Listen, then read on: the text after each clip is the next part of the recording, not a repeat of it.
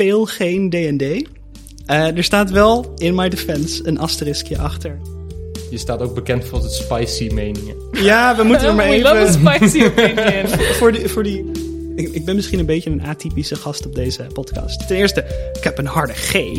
Wat doe ik hier? Tension die je kan creëren met... Oké, jullie zijn nu midden in een superspannende scène... en we gaan door naar deze persoon die ergens in de... En dan word je aangevallen door nog meer shopkeepers. Is er van, alles oké? Alles oké, oké, let's go.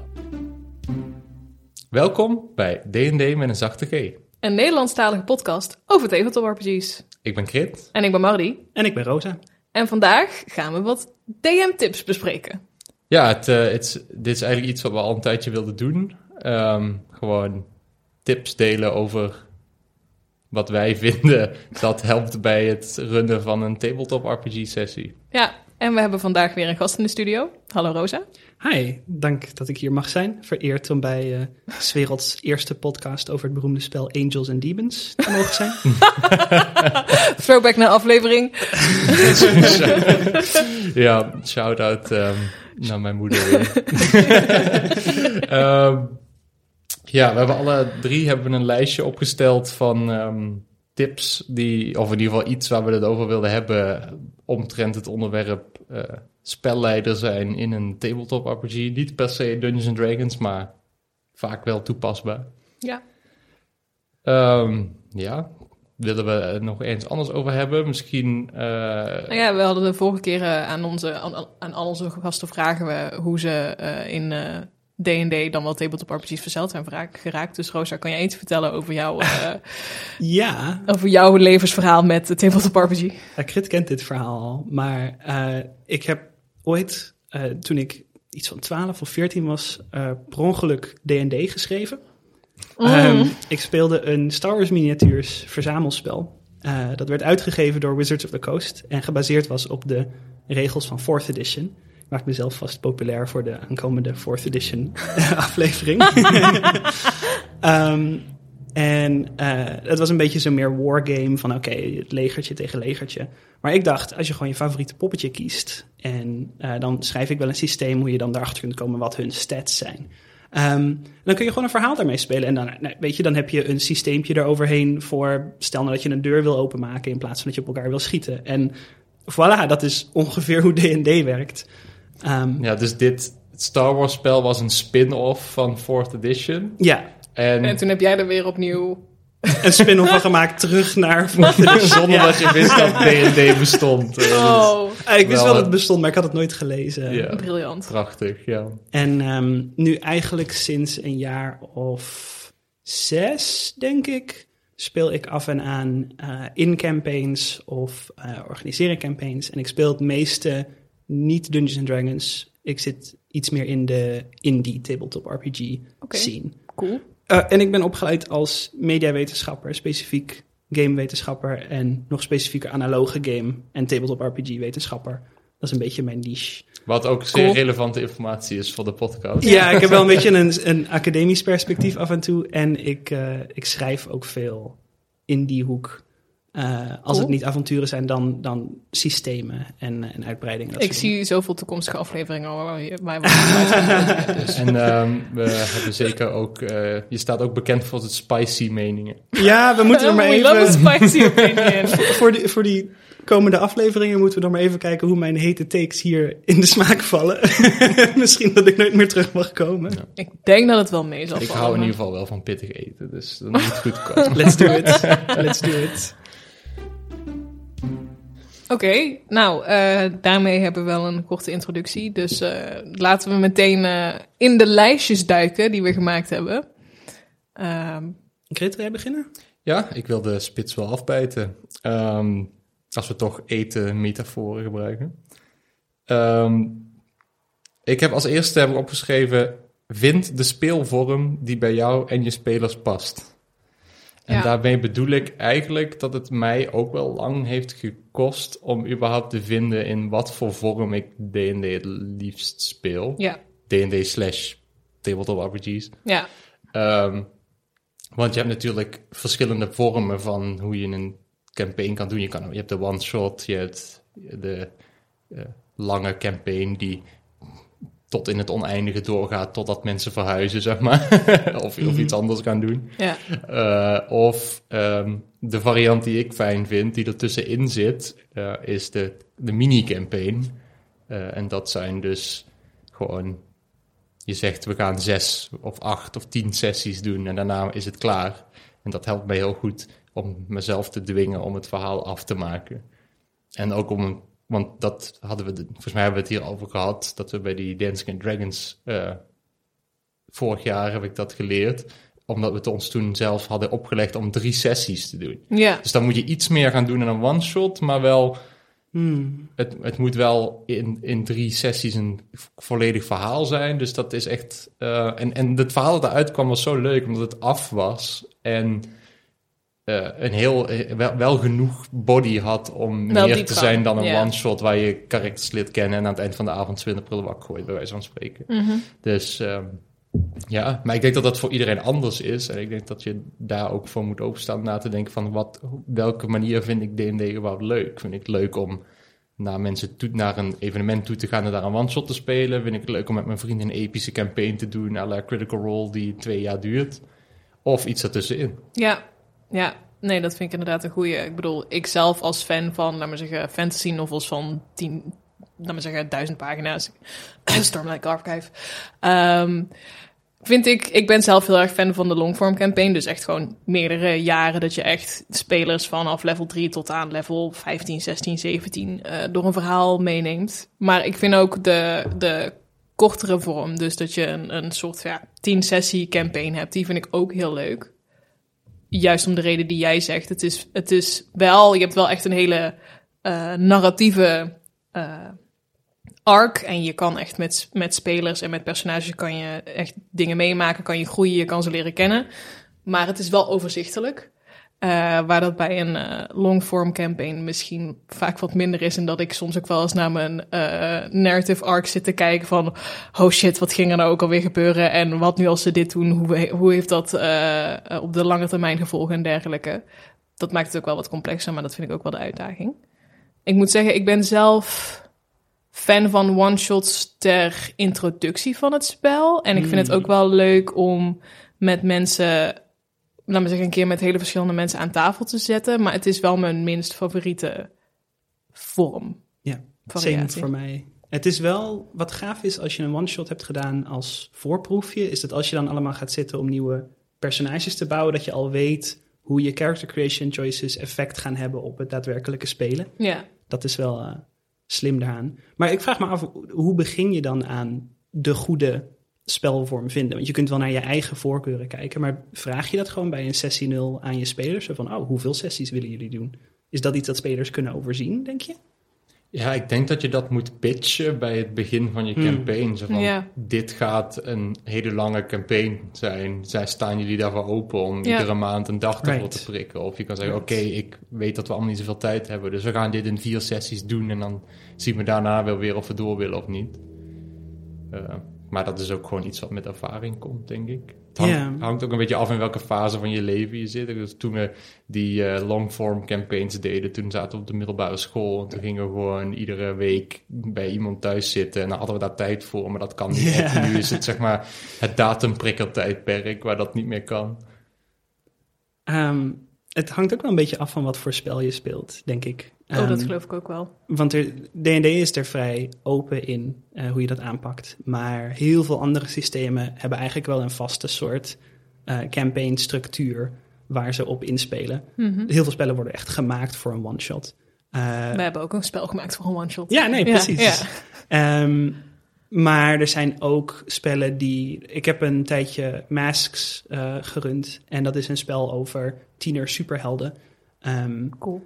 Ja, ik ben er erg fan van. Ehm, en dat speel je dus eigenlijk bijna automatisch. Op een heel slimme manier valt dat altijd in soort van arcs van zes afleveringen. Net zoals er altijd zes issues zijn in een volume van eh comicbooks die worden uitgebracht. Ah. Dan is eigenlijk, ik weet niet hoe dat erin verwerkt is, maar somehow ben je na zes eh, sessies altijd klaar met je, met je soort van arc. En dan kun je bedenken, oh, gaan we een volume 2 doen? Of beginnen we een spin-off serie van dit personage met een nieuw team? Of Weet je, eh, we Dat is lopen daarin interessant. door. Dat is dat een ding dat cool. 6 de goede lengte is voor een arc? Het is een stripboekding. Ik denk dat het te maken heeft met eh, distributiemodellen. Ja. Hoe snel die strips geproduceerd worden en hoe vaak ze worden uitgegeven. En Het zal waarschijnlijk ook wel historisch geïnformeerd zijn. dat is historisch zo gegroeid. Maar het heeft Ja. dus niks te maken met of dat voor je verhaal arc in een tabletop campaign ook goed uitkomt. Je zou denken als je storytelling convention vormt, dat je eerder rond de vijf afleveringen uit zou komen. De eerste acte in je eerste aflevering, acte 2 opsplitsen in twee afleveringen, acte 3 in één aflevering en dan een epiloog. Ehm, maar, en dan, heb, en dan heb je, I guess, nog de, de sessie 0 of de worldbuilding sessie of iets dergelijks. Ja. Dat valt wel in 6, maar dat is ook weer niet hoe het verloopt, verliep toen ik Mask speelde. Ja, ik heb 6 voor die Stranger Things mini-campaign, dus Oh ja. redelijk arbitrair gekozen. Maar dat was vooral omdat ik denk dat ik dacht van dit kan in een half jaar. Lieve luisteraars, we gaan er even tussenuit. Tot zo! Deze podcast wordt gesponsord door de Kickstarter van Wonderschouw, die een Nederlandse vertaling gaat maken van Mausritter. Ja, jullie hebben het al eh, gezien in deze podcast. Mausritter is een heel tof spel. En het krijgt nou een Nederlandse versie, wat heel goed aansluit ook eh, nou ja, bij eh, onze Nederlandstalige podcast, denk ik. De Kickstarter gaat lopen van 4 juni tot 4 juli. En als je meedoet, dan krijg je dus een vertaalde versie van het spel. En eh, afhankelijk van welke tier je kiest, kan je er ook nog andere dingen bij krijgen, zoals extra vertaalde avonturen. Wij vinden natuurlijk meer Nederlandstalige tabletop RPG content is meer beter. Dus check vooral de link in onze show notes voor de Kickstarter. True. Veel En- tv-series zijn Mhm. in eh bursts van zes afleveringen. Maar ook net zo vaak acht of tien. Dus Ja, Interessant. Mensen zien overal patronen. daar zijn we voor gemaakt. We're just very fancy pattern recognizing machines. Gesproken over waar mensen voor zijn gemaakt, mag ik misschien mijn tip 1? Ja, Zeker, go let's ahead. go. Mijn tip 1 is eh, vrij streng verwoord. Ehm, maar dat vind ik wel lekker polemisch. Speel nooit langer dan twee uur. Eh, dit is mijn tip. En eigenlijk is die twee uur nog een heel stuk strenger. Want wat ik aanraad is dat je een kwartiertje hebt voor mensen om te laten binnen te komen, een drankje te pakken, een beetje over niks te praten. Dat je dan drie kwartier hebt, inclusief je recap van je vorige sessie. En eh, om ja, de sessie te spelen, dat je dan een kwartier pauze neemt. Dan nog een half uurtje speelt. Dat je dan een kwartier hebt om te decompressen.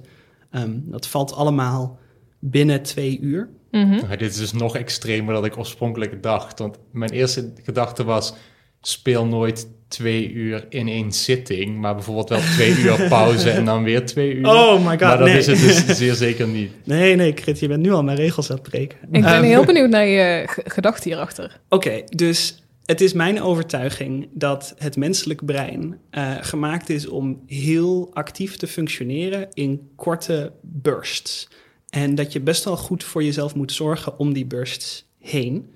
Ehm, ik speel ook met veel mensen die eh, ADHD hebben. En eh, ik ben zelf op dit moment aan het dealen met een burn-out, dus ik moet best spaarzaam zijn met mijn energie. Ehm, en ik speel veel online, omdat ik veel vrienden heb die ehm, nou, in andere continenten wonen waar ik toch mee wil spelen. Eh, en omdat het best wel lastig is, vind ik, om bepaalde groepen echt bij elkaar te krijgen, fysiek.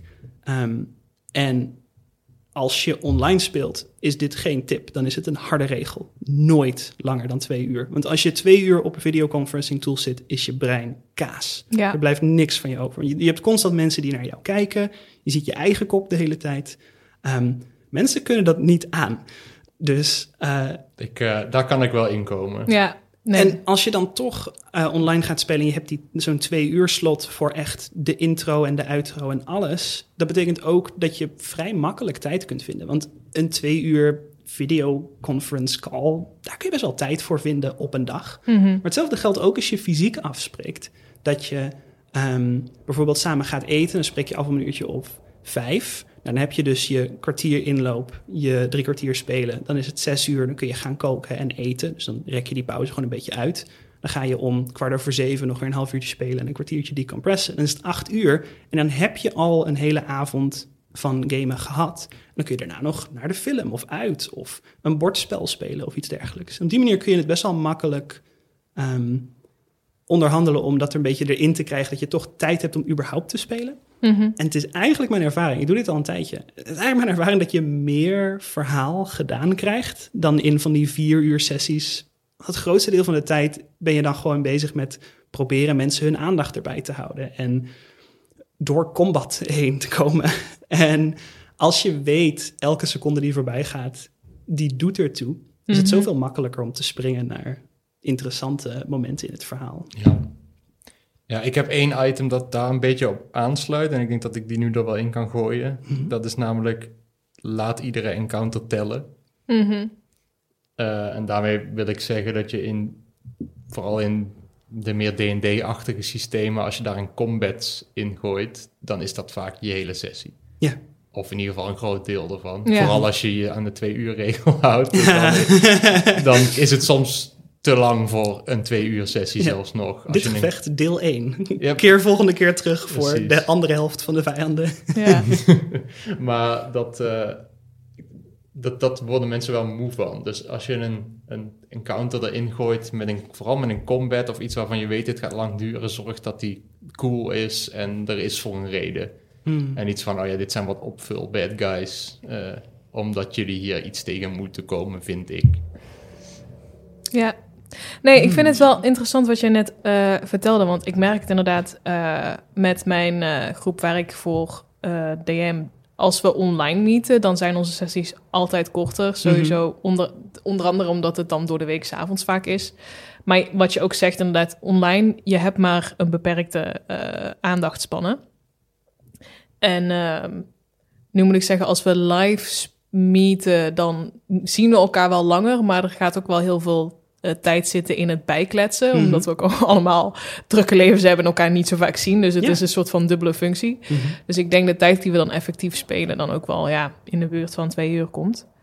Ehm, en dus de groep waar ik dan zelf mee speel, is dat wat meer wisselender. En dat gaat ook heel erg gepaard met, oké, hoe zitten mensen in hun vel eh, Ja. op dat moment.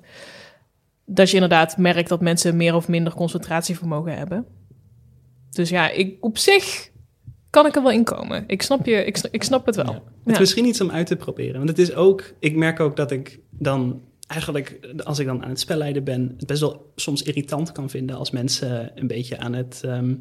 gewoon aan het- zijn? Ja, precies, aan het bijpraten of een beetje aan het geiten. Ehm, maar eigenlijk is dat ook wel gewoon heel belangrijk. En als je die, die spelmomenten meer gefocust maakt, heb je ook heel veel tijd voor gegeit en bijgepraat daaromheen. Right? Mhm. En dan kun je iets makkelijker eh, compartmentaliseren. Mhm. Zo van, oké, spelmodus is aan en dit is iets dat we met z'n allen doen. En daarna is het ook klaar en kunnen we gewoon doen wat we willen. In plaats van, dit is de hele avond. En dus als je wil bijpraten, moet het ook hier doorheen gewoven worden. En dan krijg je allerlei spanningen van... mensen hebben verschillende verwachtingen van hoe die tijd wordt gebruikt. Ja. Ik kan me ook voorstellen dat het met je voorbereiding ook wel kan schelen. Dat je gewoon weet, Ja. dit is ongeveer... Dat je veel beter grip krijgt, kunt krijgen op wat er precies gaat gebeuren. Klopt. Hoeveel, hoeveel, ja, hoeveel verhaal je kwijt kunt in zo'n sessie. Daar heb ik ook nog, daar sluiten mijn andere tips ook nog wel op aan. Het, ik vond het interessant wat je zei, Krit, over eh, zorg dat elke encounter telt. Ik heb bijna een omgekeerde eh, positie daarin. Uit- Uiteraard, als je een soort main encounter hebt, van dit is je, je hoofdmaaltijd of zo, Mhm. dan heb je een ehm, entree en dan een hoofdmaaltijd en een dessert. En dat is hoeveel eh, D&D-specifiek sessies vaak lopen, maar sowieso roleplaying sessies best vaak lopen. Ehm, en ik ben daar eigenlijk vrij op tegen. Op de een of andere manier heb ik het idee dat, ehm, dat het heel moeilijk is voor mensen om hun aandacht daarbij te houden en om echt geïnvesteerd erin te raken. En dat je niet echt kunt genieten van het voorgerecht omdat je nog niet in zit. Dat je niet echt kunt genieten van het hoofdgerecht omdat je denkt van, oh god, nu moeten we een uur dit gaan doen. En dat je niet echt kunt genieten van het nagerecht omdat je best wel moet haasten omdat je zeg maar tegen het eind van je tijd aanloopt. Niet per se Mhm. omdat je een twee uur harde tijdslimiet gebruikt. Maar ook omdat er iemand ergens moet zijn. Of ook ga mijn bus missen. Of ik ben eigenlijk moe en ik moet morgen werken of iets dergelijks. Nou, hoe je je sessie ook indeelt, er is altijd een moment dat je moet afkappen ergens. Right. En ik heb het gevoel dat die, die soort van intro, waardevolle encounter, outro formule. Dat is een beetje het idee dat ik kreeg uit soort van, nou, zorg ervoor dat je encounter telt.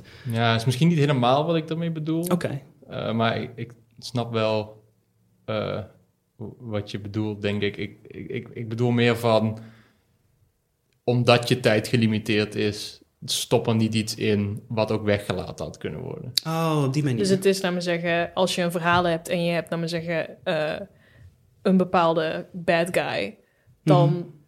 De encounters die je tegen gaat komen, die, gaan je, die moeten je iets opleveren. Dat moeten, laat maar zeggen, henchmen van die bad guy zijn, of je moet er informatie mee te kunnen krijgen of iets dergelijks. Het moet het, Het moet- verhaal Het voortdrijven. moet drama creëren, het moet conflict creëren. Het moet niet inderdaad zijn, oh ja, jullie lopen door een bergpas en dan komen nou twee yetis. Nou ja, er zijn hier twee Yetis, want ik moet van het avontuur op de Wandering Monster table rollen. Ja. Maar die hebben verder niks met het verhaal te maken. Het kan wel leuk zijn, maar... Nee, en het gaat, ook, het gaat er ook heel erg om wat je op dat moment aan het doen bent. Want is op dat moment door die bergpas geraken, is dat het ding wat jullie nu aan het doen zijn? En is het idee van er kan om iedere hoek kan er gevaar liggen? Ja, oké, dan is het logisch. Maar als het, als het gewoon, je bent aan het, je bent aan het reizen van punt A naar punt B om op punt B iets te gaan doen. Ga er dan niet willekeurige jeties tussen gooien, om het zo maar even te zeggen. Ik heb een... eh, mijn, mijn tweede tip, die banjeert hier heel erg lekker doorheen. Nice. Eh, of weet je er misschien eentje? Oké. No, no, no. ik heb er maar drie, dus. Mijn nummer twee is begin elke sessie met een actiescène. Ehm, en die hangt een beetje samen met mijn derde tip, maar daar komen we straks misschien op. Ehm, mijn interpretatie van combat is dat je hem heel vaak juist kunt gebruiken als zinloos popcornvermaak. En de Mm. echt interessante dingen gebeuren er altijd wel omheen.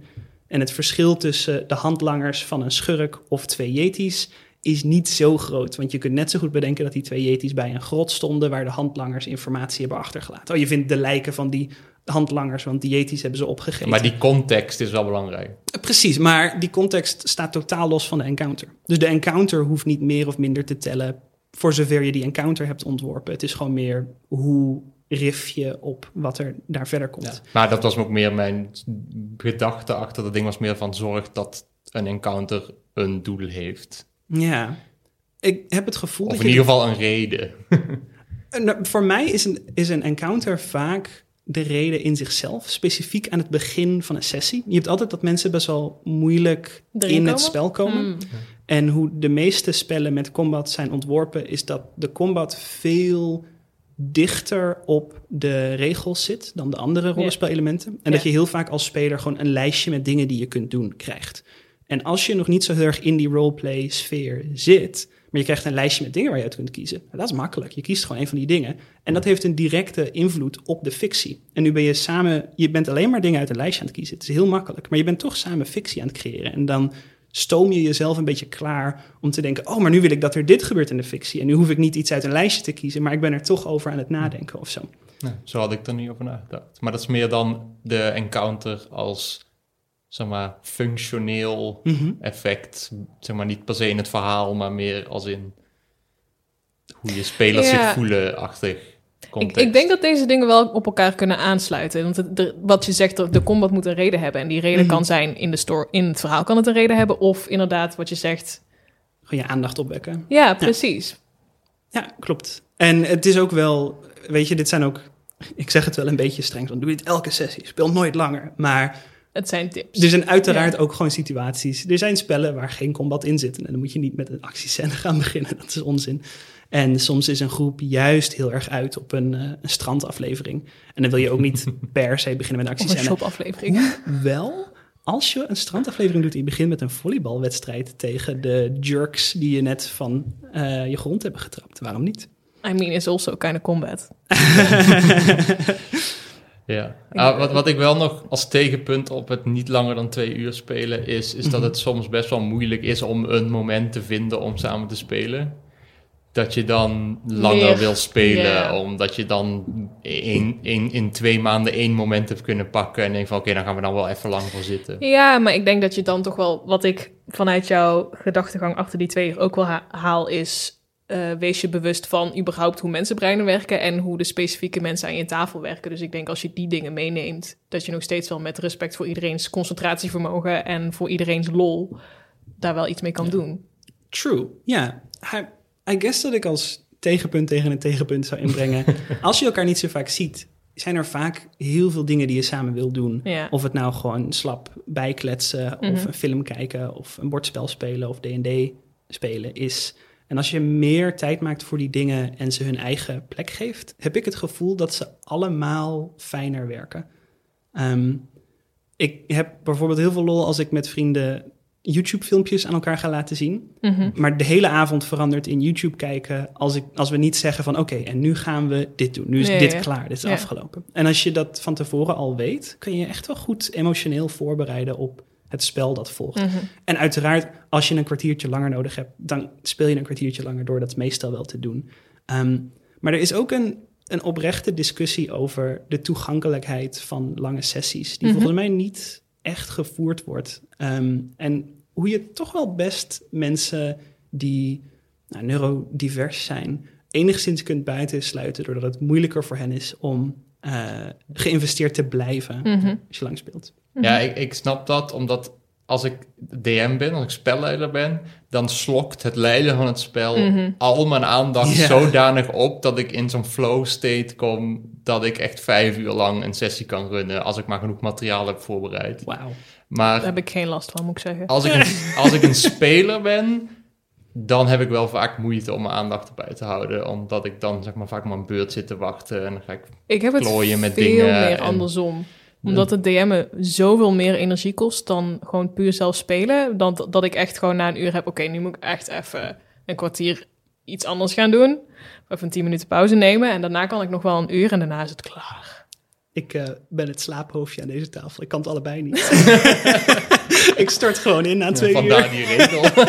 Het is eigenlijk heel zelfzuchtig. Ja, Ja. Dus pijl in ieder geval, het advies is pijl aan je tafel. Ja. Wat, wat de gemiddelde spanningsboog is. Ja. Of de Ja, minimale precies. En probeer, en probeer inderdaad het voor iedereen zo te doen dat het voor iedereen te doen is en voor iedereen leuk. Dat is denk ik. I mean, is dat niet de algemene tip die je mee wil geven natuurlijk? Maar, Maar, dat valt eigenlijk heel mooi samen met jouw tip 2, right? Ja. Over check-ins. ja, ja, dat is ik, eh, wat ik eens in de zoveel tijd doe eigenlijk, is dat ik met mijn spelers gewoon aan het eind van een sessie extra eh, tijd neem om gewoon even te checken van hey.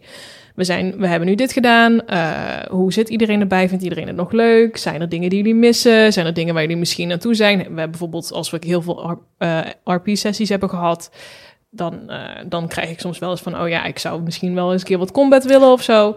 Ik heb al tien uur niks doodgemaakt.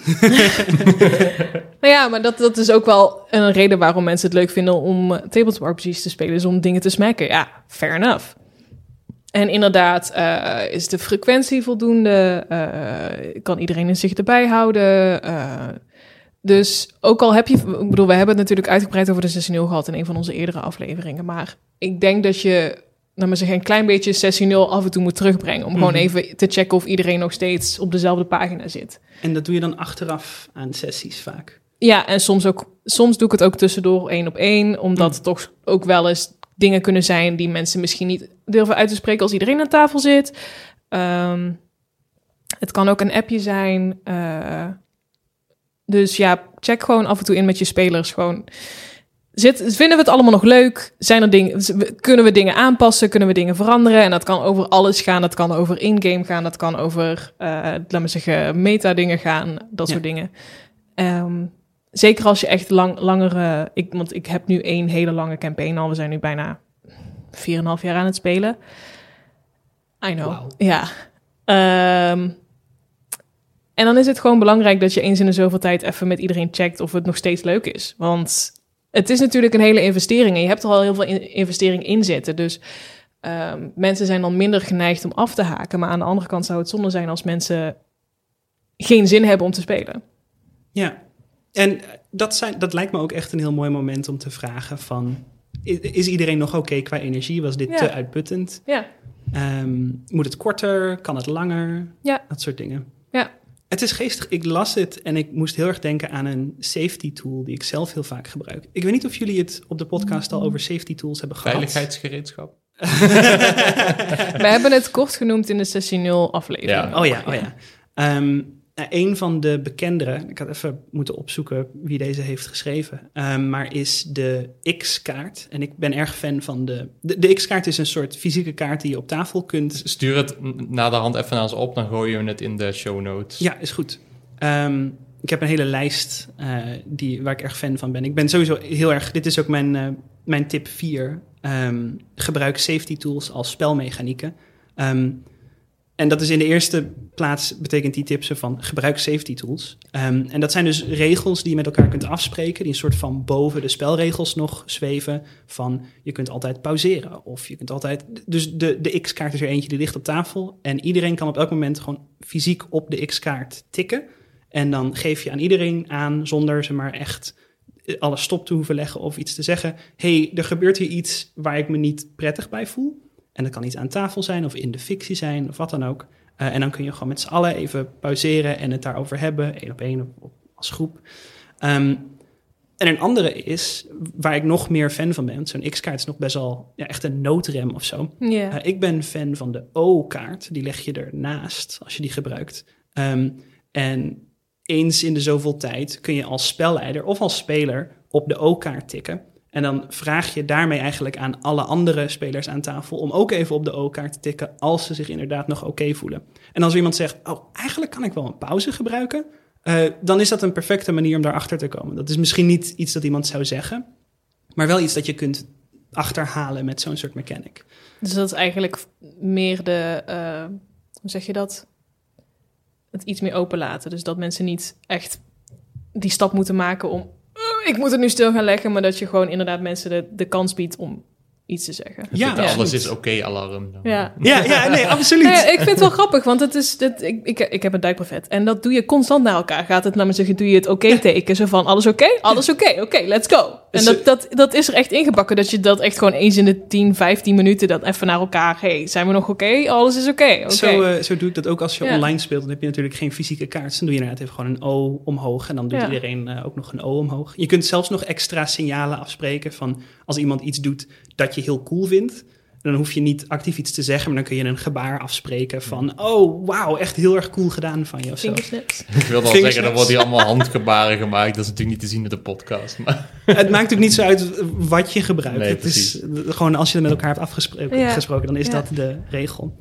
Maar om toe te voegen aan de waarde van safety tools... is ook niet alleen ze houden je groepen toegankelijker en je spelers veiliger... Um, ze voegen ook toe aan je mogelijkheden om de fictie echt heel dicht bij de spelers te houden. Um, spellen zijn een soort machientjes die een bepaalde input begrijpen, kunnen lezen. Dus bijvoorbeeld, uh, ik kies deze skill of ik kies deze spel um, als het gaat om D&D. Um, en daar output bij genereren. Zo van, oké, rol dan deze dobbelsteen en dan gebeurt er dit als je dit rolt en dan gebeurt er dat als je dat rolt. en die machientjes zijn dus best beperkt in welke input ze kunnen begrijpen. Omdat je altijd nog als mens de computer moet zijn die het uitrekent. Dus ze kunnen je niet 100 miljoen berekeningen geven voor 100 miljoen verschillende dingen. Um, en ze moeten. Dan krijg je Pathfinder.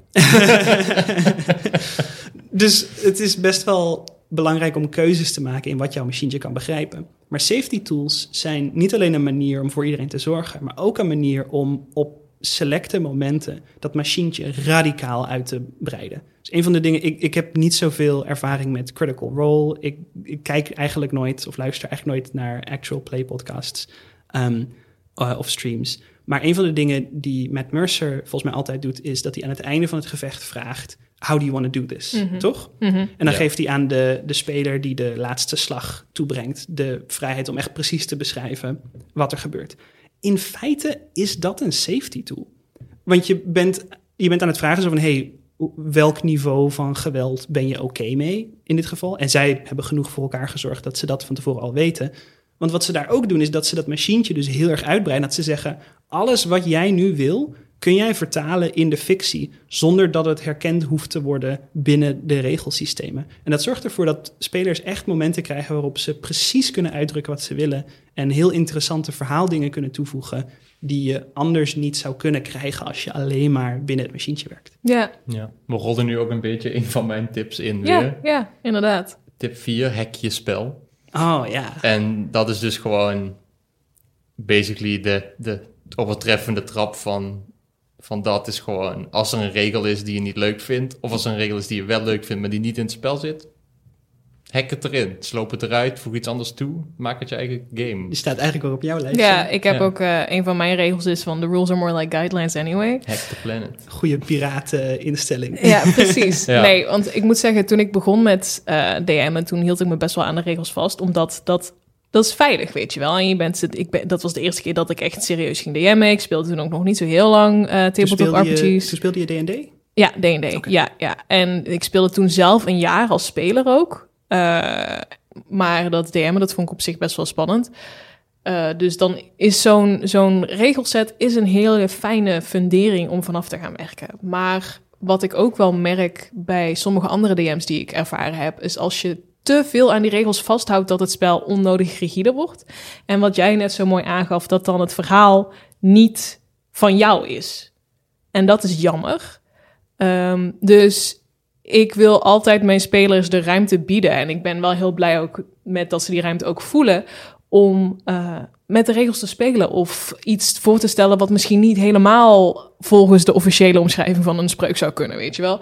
Gewoon omdat het daardoor zoveel leuker en creatiever en, en de regels veel meer als inspiratie kunnen dienen dan als afbakening. En dat, dat vind ik namelijk zonde wanneer eh, mensen zich gekocht voelen in hun creatieve zelf, omdat de regels officieel zeggen dat iets niet zou mogen. Dit is iets wat heel duidelijk naar voren komt als je speelt met mensen die het nog nooit gespeeld hebben. Ja. En die wel, zeg maar, redelijk, die wel een goede creatieve input hebben. Ja. Vind ik altijd heel leuk om te zien, omdat die de gekste dingen doen. Omdat Ja. die niet weten wat de regels zijn. Ja. En daarom juist alle vage shit proberen. Die anders normaal mijn spelers zou denken van... Oh ja, als ik dat ga proberen, dan gaat mijn spelleider natuurlijk vragen... of ik daar een acrobatics rol voor wil maken. En dan lukt het waarschijnlijk niet. En ik heb deze beurt ook nog een bonus action... die ik liever voor iets anders wil gebruiken. En dan zo'n nieuwe speler denkt... Oh, kan ik over de muur rennen en dan een salto maken aan deze kroonluchter slingeren... en dan eh, deze troll een mes in zijn nek steken? En dus dan... Ja, klinkt cool. ja. ja, en het is natuurlijk, ik moet zeggen, dan moet je ook wel zelf. Ik ben er nog mee aan het oefenen ook. Dus eh, en want, eh, je moet ook de balans zoeken, denk ik, dan tussen. Oké, je wil mensen hun creativiteit niet korten, maar aan de andere kant wil je ook zorgen dat het niet te makkelijk wordt. Dat het speciaal voelt Ja, als precies. echt de controle krijgen. Precies. Eh, want dat is ook het hele idee van een tabletop RPG. Dat is, je probeert een soort van een realiteit te creëren. En die realiteit die heeft natuurlijk ook regels. Ja. Je bindt je aan een regelset, Ja. zodat het speciaal is Ja. wat eruit komt. Ja. Precies. Ehm, maar daarin zou ik dan bijvoorbeeld ook wat Krit net zei: hack, hack je systeem. Eh, do- dit is de regels die je niet leuk vindt, die te, te constructief zijn. En halen regels bij die eh, wel die creativiteit eh nurturen. Ja. Het is zo interessant. Ik ben het heel erg eens met wat jullie zeggen. En ik heb precies de tegenovergestelde tip geschreven. Oh, wat nou, kom maar, kom maar op. Let's go. Dit is mijn tip nummer vijf, de, de meest hot take. Ja. Eh, we hebben drie overgeslagen, maar ach. Oh Ehm, ja, ja, ik weet al wat nu gaat komen. Mijn, mijn, mijn tip is, eh, speel geen D&D. Eh, er staat wel, in my defense, een asteriskje achter, eh, tenzij je D&D wil spelen. Ehm, ik, heb, ik, ik ben misschien een beetje een atypische gast op deze podcast. Ten eerste, ik heb een harde G. Wat doe ik hier? Nou ja, je bent niet de eerste gast met een harde G, Nee, dus dat wat dat waar. betreft. Ehm, en ik ben ook niet heel erg fan van Dungeons and Dragons specifiek. Ik heb wat kritieken op ehm, eh, Wizards of the Coast, hoe ze het spel uitbrengen, zeg maar, hoeveel waar je krijgt voor je geld, maar ook hoe ze met hun arbeiders omgaan. Ehm, ik heb kritieken op hoe gelaagd het spel is en welke elementen het op inzoomt en welke niet.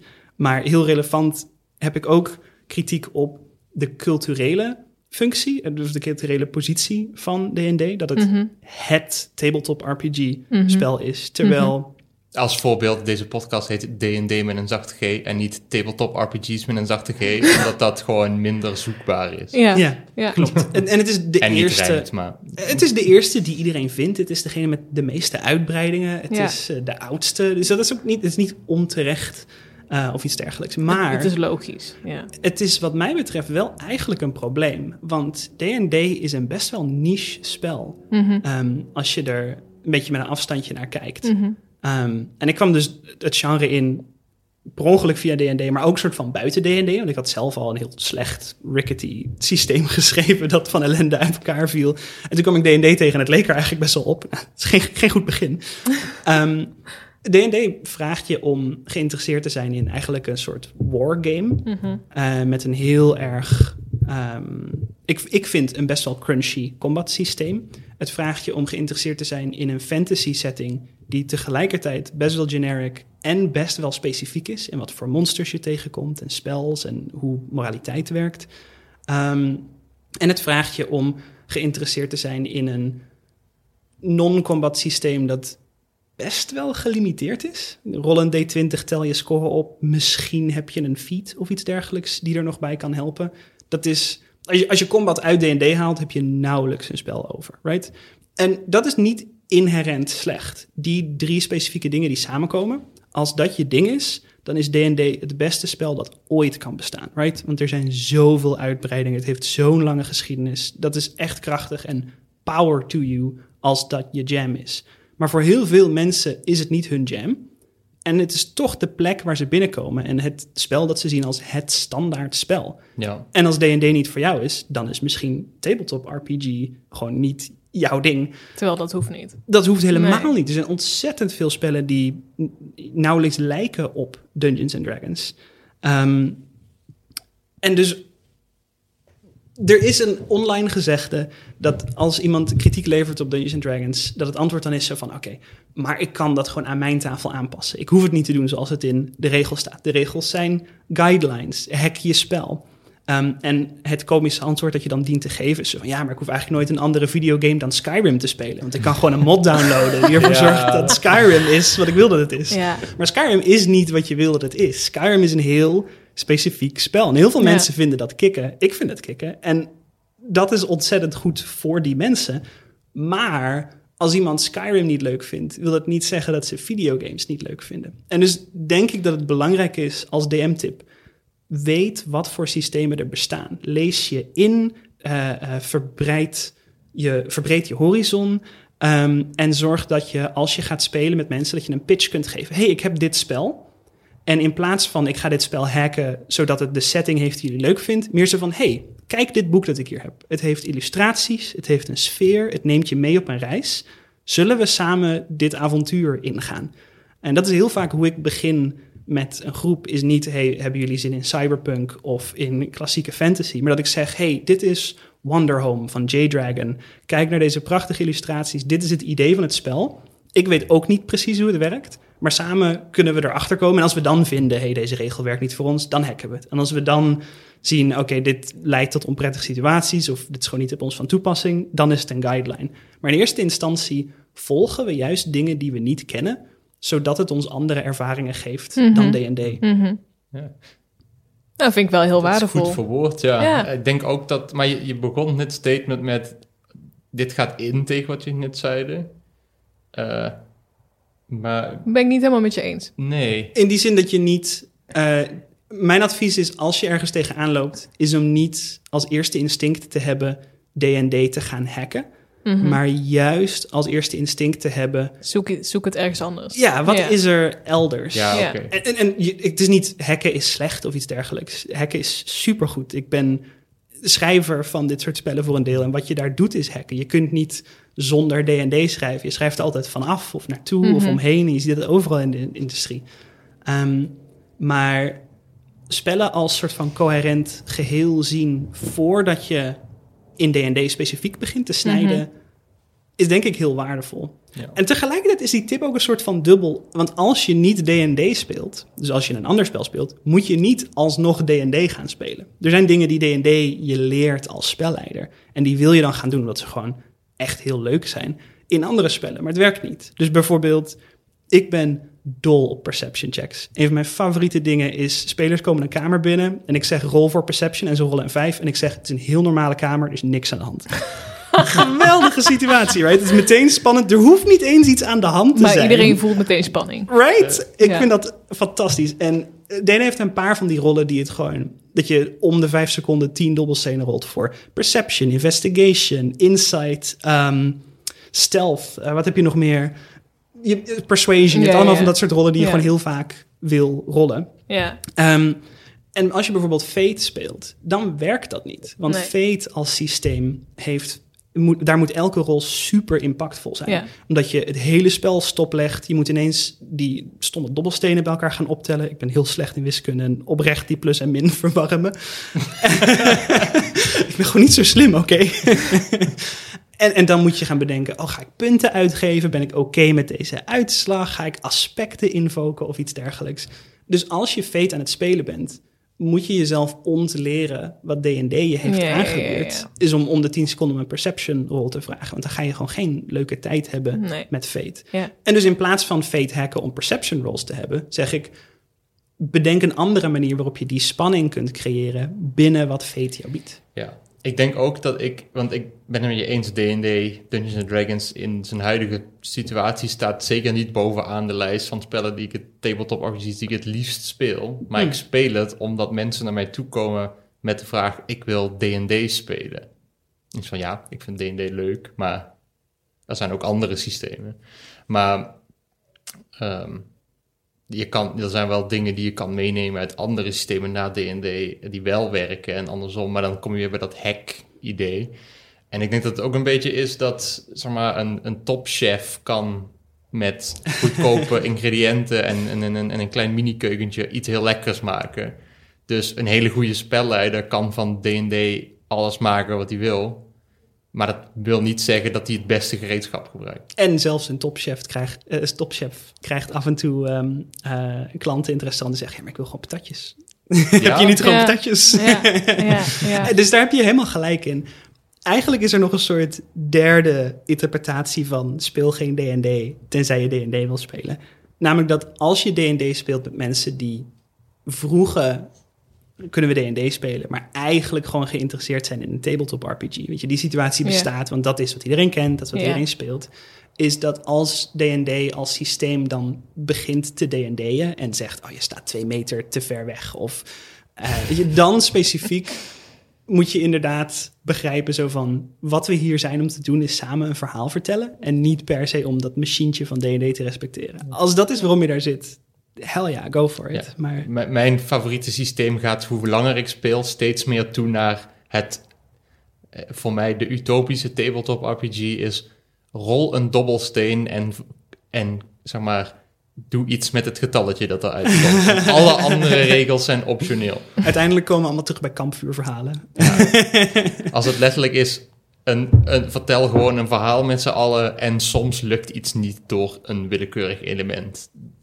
Dat is genoeg. Mhm, Maar er zijn andere dingen die je kan toevoegen om je verhaal wat meer sfeer te geven Ja. eh, door de mechanics, maar dat, dat hoeft niet. En het moet wel goed geplaatst zijn. En D&D Ja. is inderdaad zo de standaard dat het alles probeert te doen en daardoor inderdaad niet echt een focus heeft. Ja, want ik vind het wel grappig wat je zei, dat D&D met name een combat-gericht systeem is. Terwijl ik ben heel erg een RP-DM. Dus ja, misschien is dan D&D niet de meest geschikte tool eigenlijk voor de, de stijl die ik leuk vind om te doen. Aan de andere kant, het is wel het systeem wat ik helemaal van boven naar onder en binnenste buiten ken. Dus ik voel me er heel comfortabel mee. Ehm, en ook, nou ja, we hebben dan een sessie Fate gespeeld ook op de podcast. En nu wat je zegt van je moet niet gaan D&D in Fate. Dus ja, dat vind ik nog best wel lastig dan soms Ja, om, dat om, is het. om dat los te halen en inderdaad echt volgens die Fate-regels te gaan spelen. En nu we dan eh, die korte campaign met crit aan het doen zijn, eh, gebaseerd op Stranger Things, waar we het eerder ook al hadden. Nu begin ik pas echt Fate in de vingers te krijgen. Mhm. Zoals Fate hoort te werken. Ja, en ik denk ook dat ehm, een deel van de reden is dat mensen D&D willen spelen, is omdat mensen D&D spelen. Ja. Want je wil dat als je over D&D praat, dan snappen mensen de regels van D&D en denken, oh ja, je maakte die toen een perception check en hij kreeg een opportunity attack. Oh ja, D&D lingo. Ja. En dat maakt ook een soort verbinding tussen Ja. die subculturen van Ja. mensen die D&D spelen.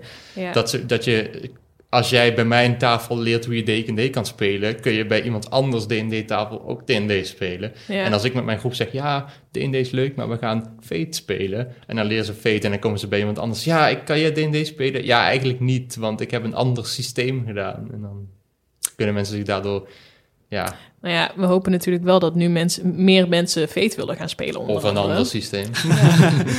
Misschien dat ik nummer 6 tip speel geen Fate op moet schrijven.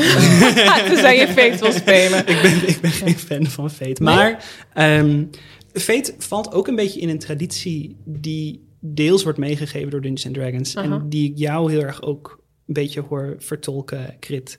Ehm, met dat je vrij systeemgeoriënteerd aan het nadenken bent over wat spellen jou geven.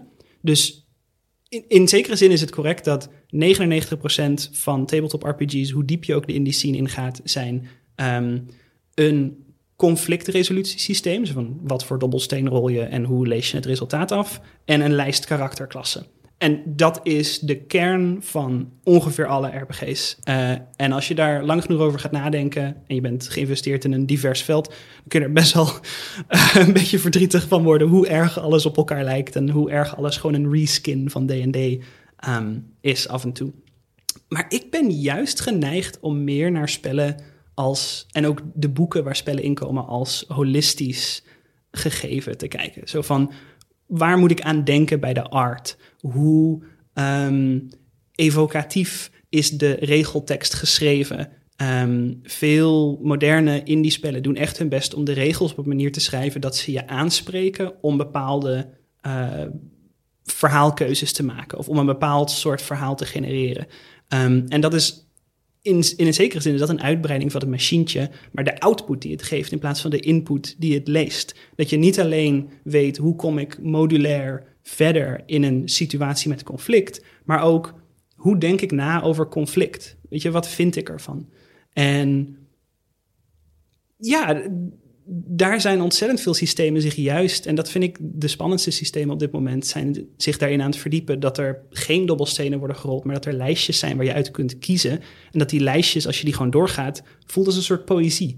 Um, en daar kun je echt een beetje in de flow van raken. En dan krijg je gewoon een ja, interessante creatieve ervaring mee. Maar we lopen nu ook wel ver weg van de tips die ik heb geschreven. I mean, ik denk dat het hier het gewoon... klinkt allemaal heel interessant. We moeten hier gewoon nog een keer over hebben, denk ik, met je. stuur me deze dingen op en ik ga naar kijken. Want ik speel ook... Ik vind Fate leuk, maar ik ben niet super bekend met heel veel verschillende indie-systemen. Nee, same. Dus ik kijk ook gewoon wat mensen op een YouTube-kanaal spelen. En denk van, oh, dit systeem lijkt me wel leuk, ik ga dat lezen.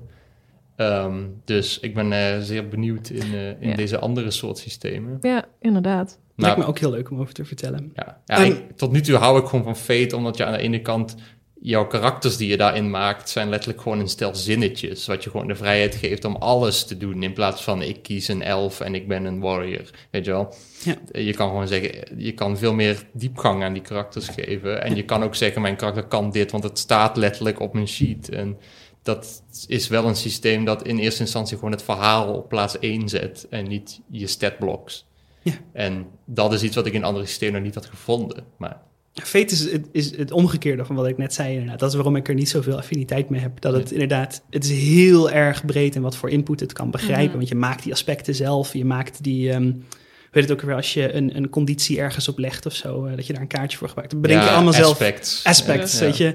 Um, en, uh, maar het geeft je dan weer heel weinig om als beginpunt te nemen en je door te laten leiden op mm -hmm. creatief vlak. Mm -hmm. uh, dit, dit loopt wel ver, ver weg ja, van. Uh, ik denk dat we ook wel de af aflevering binnenkort moeten gaan afsluiten, want we zijn al 50 minuutjes bezig. Oeps. Ik zou heel graag mijn derde tip nog delen, als jullie dat oké okay nou, vinden.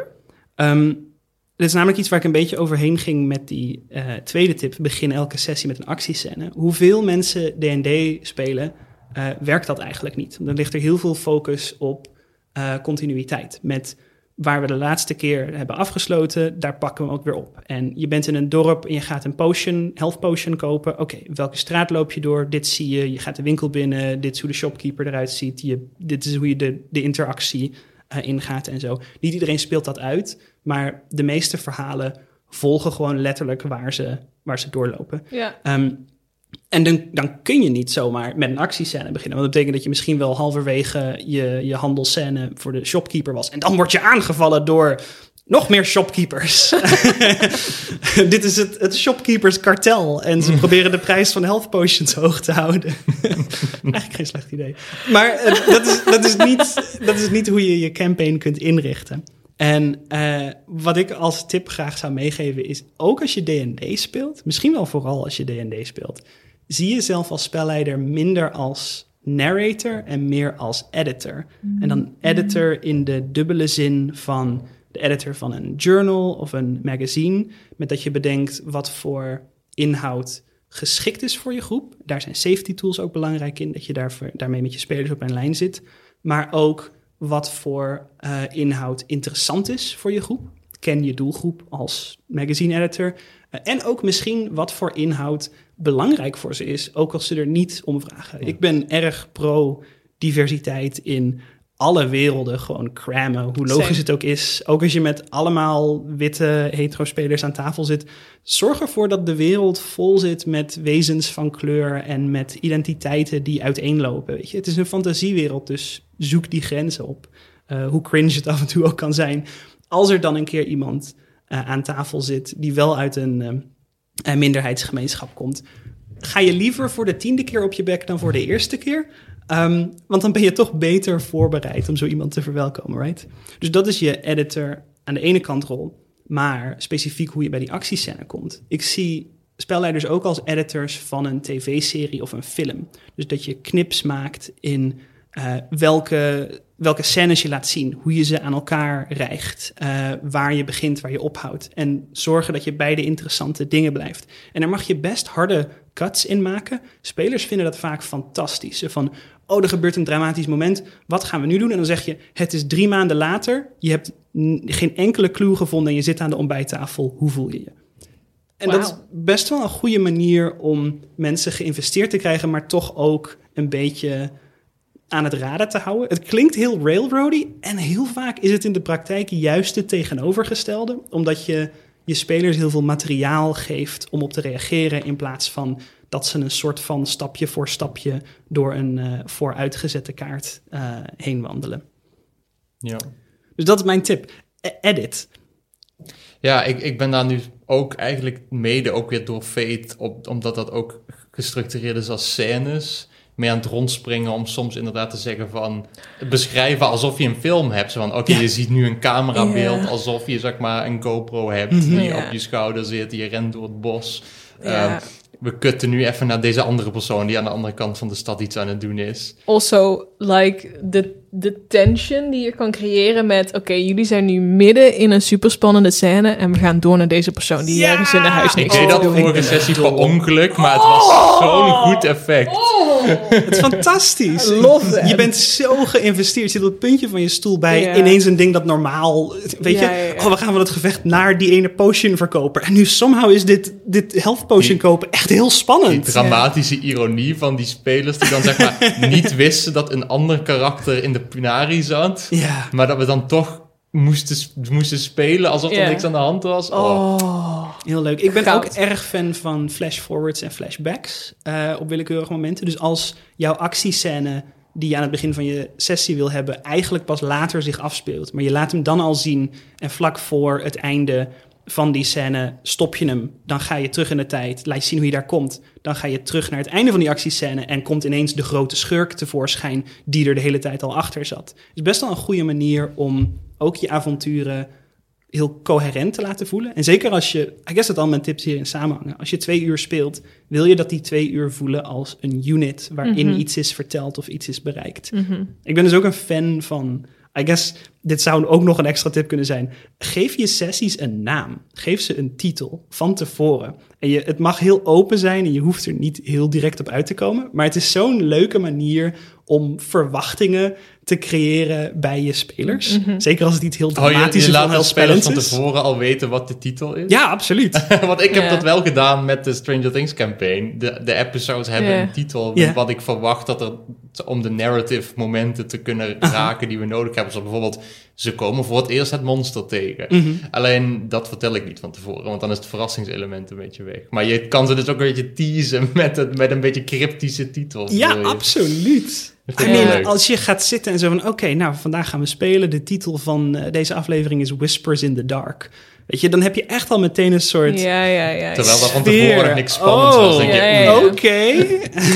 Wauw, Rosa, je bent gewoon op zo'n ander level aan het, aan het tabletop RPG. Dit is echt bizar. Dit is waarom ik, Ik heb- heel slecht ben in D&D runnen. Maar het is wel goed eh, dat we eens even, even onze eh, zachte G-echo-kamer doorbreken. Ja, zeker. Nee, ik voel me echt ontzettend geïnspireerd. Dus echt heel erg bedankt. nou ja, dank jullie wel dat ik hier mocht zijn. En eh, lekker D&D mocht afkraken. Dat is toch wel een van mijn favoriete hobby's. Hartstikke bedankt. Ik hoop niet dat je onze hele eh, luister, eh, Luisteraars. luisteraarsbestand weggejaagd hebt. Maar dat zal wel niet. Ik denk dat ze eerst juist op het puntje van hun stoel hebben I gezeten. mean, het, is, het was heel duidelijk. Speel geen D&D tenzij je D&D wil spelen. Ja, dit is... eh, Wijzere woorden Ja. zijn nooit gesproken. Ja, Nou, als we nu nog een minuutje de outro doen, dan eh, zijn we precies een uur aflevering. nice. Oké. Alright, sweet. Nou, eh, dat eh, was hem dan denk ik voor vandaag. Rosa, heel erg bedankt voor je komst. Ik vond het echt heel leuk. Ik ook, hartstikke bedankt. Ja, ik ook. Graag gedaan. En eh, zoals altijd kun je onze podcast vinden op Spotify, Soundcloud, Apple Podcasts en alle andere platforms waar deze eh, podcast providers hun podcasts dumpen. Je kan ons vinden op Instagram, DND met een zachte G.